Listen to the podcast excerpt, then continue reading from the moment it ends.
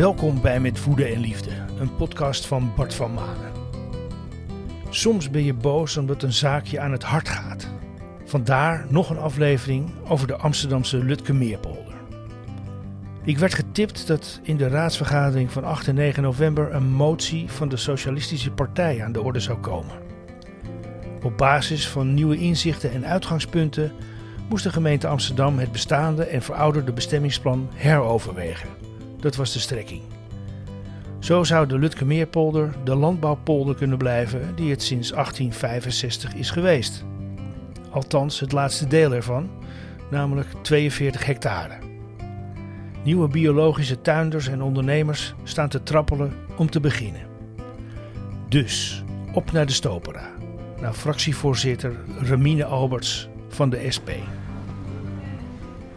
Het is eigenlijk vrij rustig in de foyer hier in uh, het stadhuis. Um, en ik zit naast uh, Remine Alberts, die vandaag een motie in de raad heeft lopen. Uh, die eigenlijk mee moet helpen aan het behoud van de Lutkemeerpolder. De motie wordt vanavond pas in stemming gebracht, begrijp ik. Ja, we gaan. De, de, de, het moment is nu dat we om tien uur beginnen met stemmen. Nou, het is ook een hele lijst, dus uh, jullie zijn nog wel even bezig vanavond. Zeker, zeker. De motie betreft uh, het, uh, eigenlijk ook het, het, wijzigen van het beleid vanuit de provincie en nou, nieuwe inzichten. De motie die nu wordt aangehouden is eigenlijk gebaseerd op de, of de, de, bestemmingsplan van 2013 uit mijn hoofd, waarin gepleit wordt voor het ontwikkelen van de, van de Lutkemeerpolder tot een bedrijventerrein. Nou, dat willen we niet. En er zijn alternatieve plannen en daar is ook steun voor onder de bevolking en ja. van verschillende partijen. Waarom steunt de SP eigenlijk het behoud van de Lutkemeer?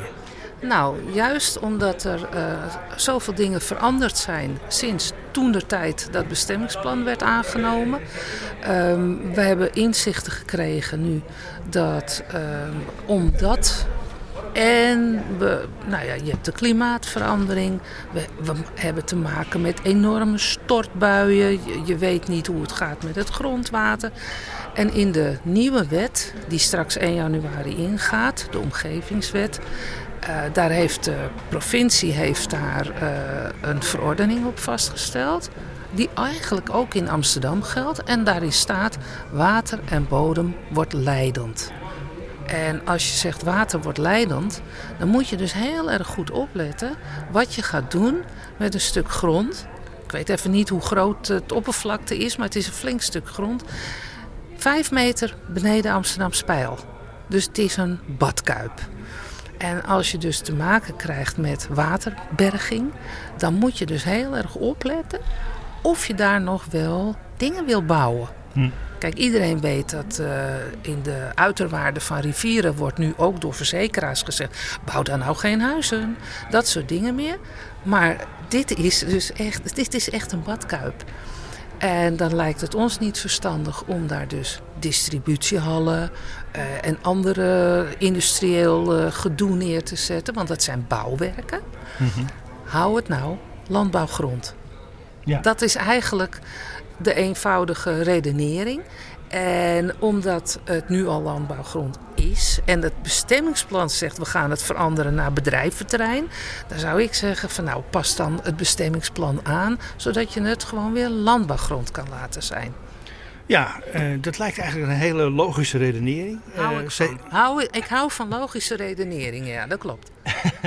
en, en, en ook uh, ja, een simpel en doeltreffend plan. En er zijn ook heel veel mensen bij betrokken. Die willen er wat mee, die kunnen er wat mee. ik sprak een bewoonster die zei... het is ook heel erg belangrijk voor de ontwikkeling van Amsterdam Nieuw-West. Zeker. Ja, zeker. Nou, het, kijk, er, er, is, er is nu uh, landbouw, een grote boerderij. Maar er zijn ook mensen die zeggen van laten we daar nou een voedselpark van maken. Zodat iedereen die in de buurt van Nieuw-West is, hè, want Osdorp ligt er tegenaan.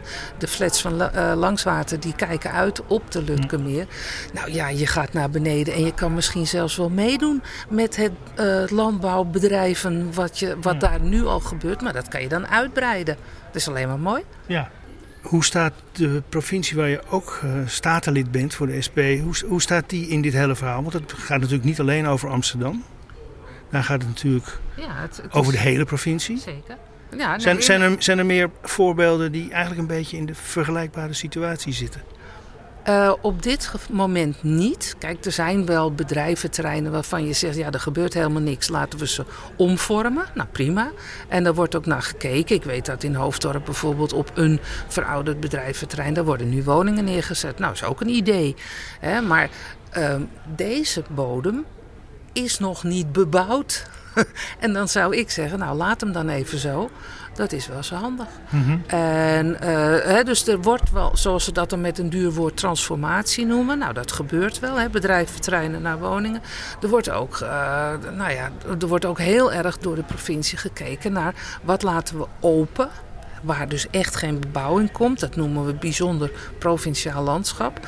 Wat wordt bebouwing wat, en wat voor soort bebouwing dat wordt, daar gaat de provincie over. Mm -hmm. Nou, en als nou um, de Lutkemeer gewoon echt zomaar alleen maar die polder was. En er was nog geen bestemmingsplan voor bedrijven. Dan had ik zo 100% steun gehad. Maar de polder is uh, eigenaar, of nee, eigendom moet ik zeggen, van het SADC. En het SADC, de S staat voor Schiphol. En dus de Schiphol Area Development. Op, op, Precies, ja. Dus de ontwikkelmaatschappij van Schiphol. En Schiphol dacht, weet je wat, wij gaan nou daar alles wat met distributie te maken heeft, gaan we daar neerzetten. Dat is ook weer oude politiek. Want uiteindelijk, inmiddels wordt er enorm nagedacht of Schiphol nog wel zo groot moet zijn als het is. Mm -hmm. En of het wel um, nog al die takken van sport moet uitvoeren die ze nu uitvoeren. Dus dat is nog een derde reden. Hè? Dus wat ik net heb gezegd, er wordt anders over water en bodem wordt er gedacht. Uh, er wordt heel erg over de voedselvisie gedacht. Dat je dicht bij huis moet produceren. Hè? Dat je niet alles van heinde en verre laat komen. Heb je ook nog eens een keertje dat Schiphol, wat daar dacht met distributiehallen uh, uit de voeten te kunnen. Die zou ook moeten krimpen. Dus alles bij elkaar opgeteld, denk ik, ga je IJzerheinig door op de oude route? Of zeg je nou, um, we, hebben het, uh, ja, we hebben te maken met veranderende omstandigheden. Nu is het natuurlijk zo dat zo'n uh, uh, maatschappij, er zijn nog andere partijen bij betrokken, ook de provincie en de prov uh, gemeente Haarlemmermeer. En de gemeente Amsterdam. En de gemeente Amsterdam. Ja. Dus eigenlijk is het al voor een groot gedeelte min of meer in eigendom van de gemeente Amsterdam. Zeker. Procedures zouden dan, volgens GroenLinks, die vreemd genoeg eigenlijk het huidige bestemmingsplan wil blijven volgen, Ja. zou 42 miljoen kosten. Maar het is volkomen onduidelijk waar dat prijskaartje nou vandaan komt. Heb jij daar enig inzicht in? Nou, ik heb, eigenlijk niet. Ik heb een brief gekregen van de wethouder van zoveel kantjes. En als je dan gaat puzzelen van om hoeveel geld gaat het nou en wie is er nou aan zet en het is ja of je met Hans Klok uh, uh, bezig bent. Het is goochelen. Ik zeg nu Hans Klok, vroeger zei ik Fred Kaps, maar je zit te kijken en je denkt, huh, wat gebeurt er nou? En um, het, het, is een, het is een doolhofbrief. Hm. En ik krijg er de vinger niet achter hoe het nou zit.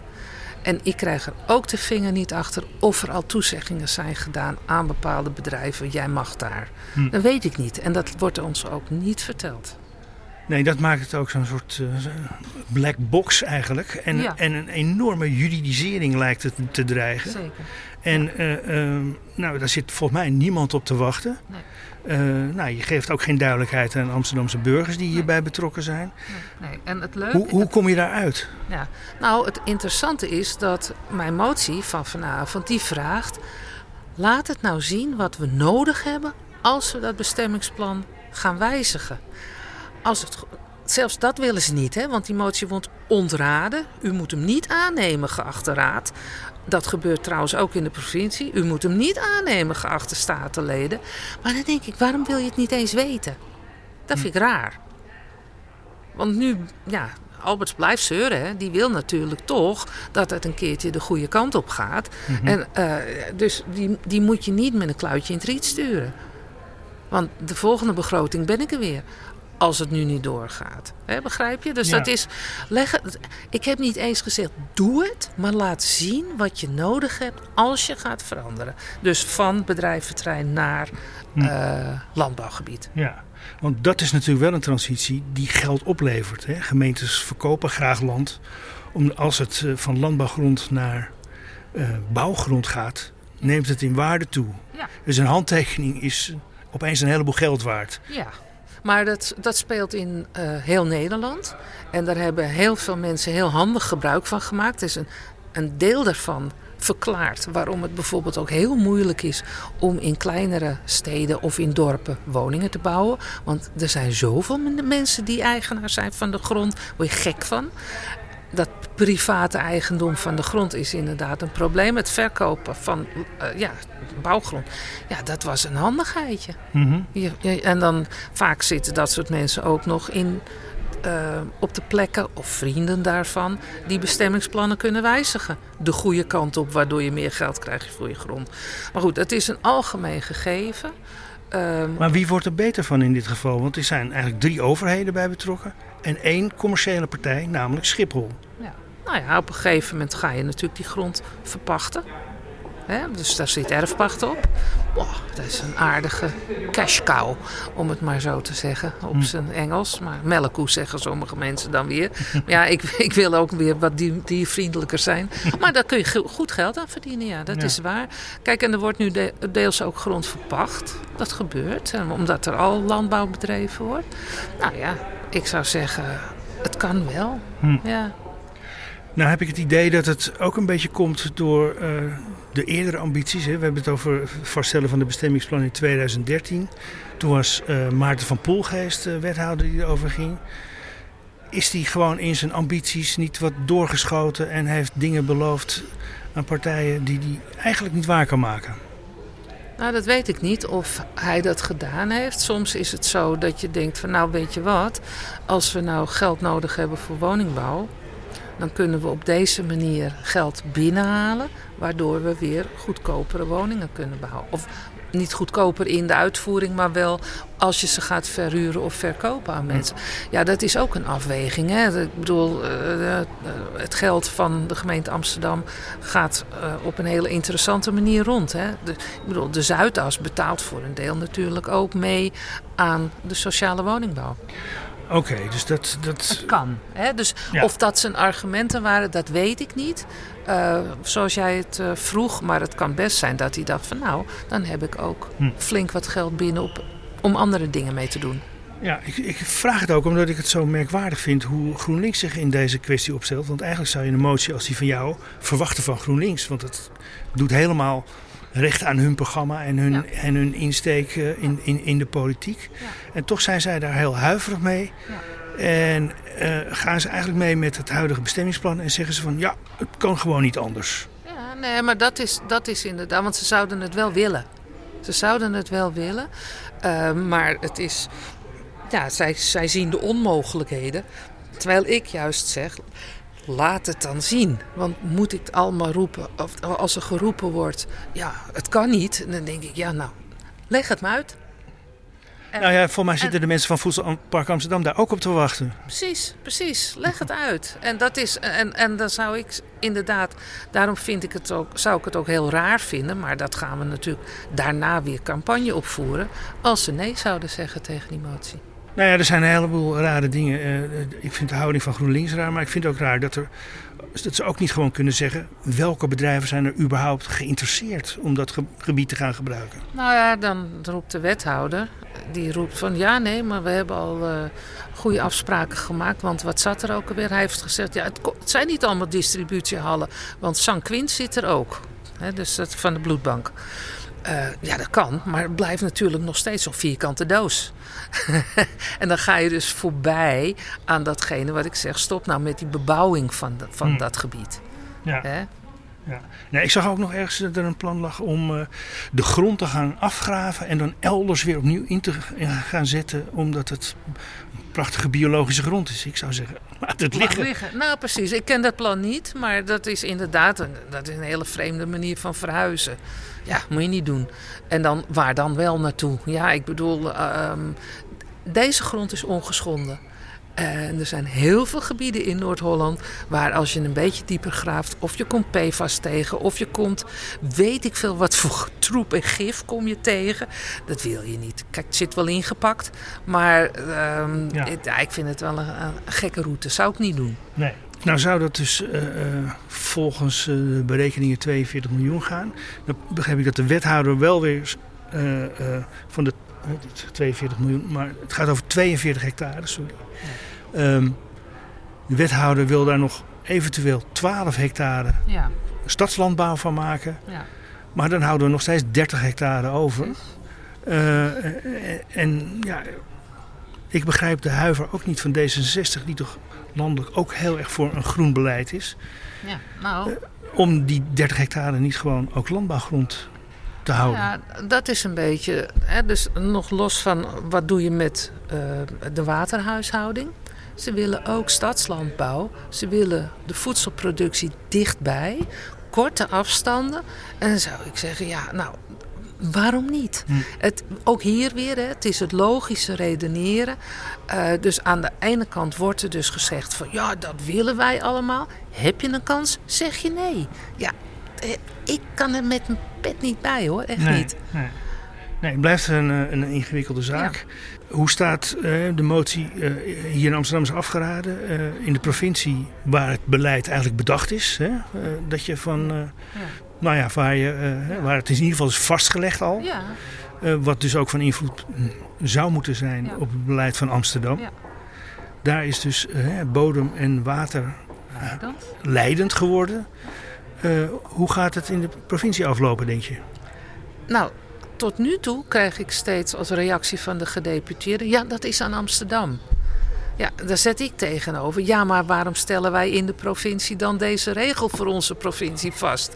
Het, eh, nou, veel verder ben ik nog niet gekomen. Ik vond dat ik het een ijzersterk argument had. Want dat vraag ik ook wel eens vaker op. Wat doe je nou met gemeentes die tegen jouw beleid ingaan? Welk beleid dan ook. Ga je dan, eh, ga je dan op de vingers tikken of ga je dan eh, verbieden of ga- weet ik veel wat dan. Heel vaag. En zeker als het economische aspecten betreft, is de provincie heel vaag. En nu zeggen ze dus, ja, dat is aan Amsterdam. Ja, ik vind het vreemd. En gaat Amsterdam nu zeggen, eh, gaat u maar naar de provincie? Nee, dat wordt niet gezegd, want kennelijk, of nee, kennelijk, de lijntjes zijn natuurlijk kort. En zij weten wel dat de provincie dit zegt. Eh, en dus kunnen ze doorgaan. Maar ja, het, blijft een wonderlijke, wonderlijke zaak. En ik hou dus ook niet van dat als je met veel aplomb en grootspraak beweert: ik wil het groen doen. Nou, dan zou ik zeggen: doe het groen. Ja, hoe moeilijk kan het zijn? Ja, het is ook voor mij een raadsel. Van, vandaar mijn vraag. Ja, ja, ja. Nou, het is nog wel, het is wel zo dat hier in de, in, de, in de raad is er steun ook van het CDA en van de Partij voor de Dieren.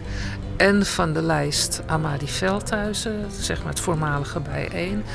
Dus dat deel eh, vindt het een goed idee. We moeten nog maar eens eventjes kijken wat andere partijen doen. Het is afwachten. Ik hoop dat hij het haalt. Het zou mooi zijn. We gaan het afwachten en ik hoop het ook. Want Ja. Ik eh, ben er laatst geweest en het is een prachtige polder. Ja. Voor zover eh, het nog polder is. Nou, dat vind ik dus ook. Dankjewel. Graag gedaan.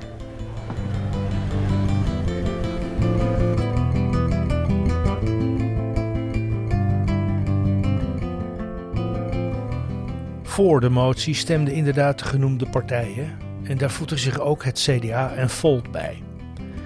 Maar 11 van de 45 stemmen maakt geen meerderheid. In de provinciale staten moet men zich nog buigen over dezelfde motie van de SP, dus daar horen we later over. Daarnaast zou nog een nieuw hydrologisch onderzoek en een verkeersplan moeten worden meegenomen in een definitieve beslissing over de polder. Die wordt dan waarschijnlijk in het eerste kwartaal van volgend jaar genomen. Maar ik vraag me af: zou er iemand zijn die over tien jaar trots zal terugkijken op een besluit dat van de Lutkemeer een bedrijventerrein heeft gemaakt? Ik denk het niet. Dit was Met Woede en Liefde, een podcast van Bart van Manen in samenwerking met Studio Klankplank. Dank aan Remine Alberts, fractievoorzitter van de SP in Amsterdam en statenlid in Noord-Holland. En Iris Poels van Voedselpark Amsterdam. Huldeblijken, vragen en suggesties kun je sturen naar mail.klankplank.nl. En bij alle verstoorde humeuren en temperamenten deze dagen zou ik zeggen: blijf praten, mensen. Tot de volgende keer.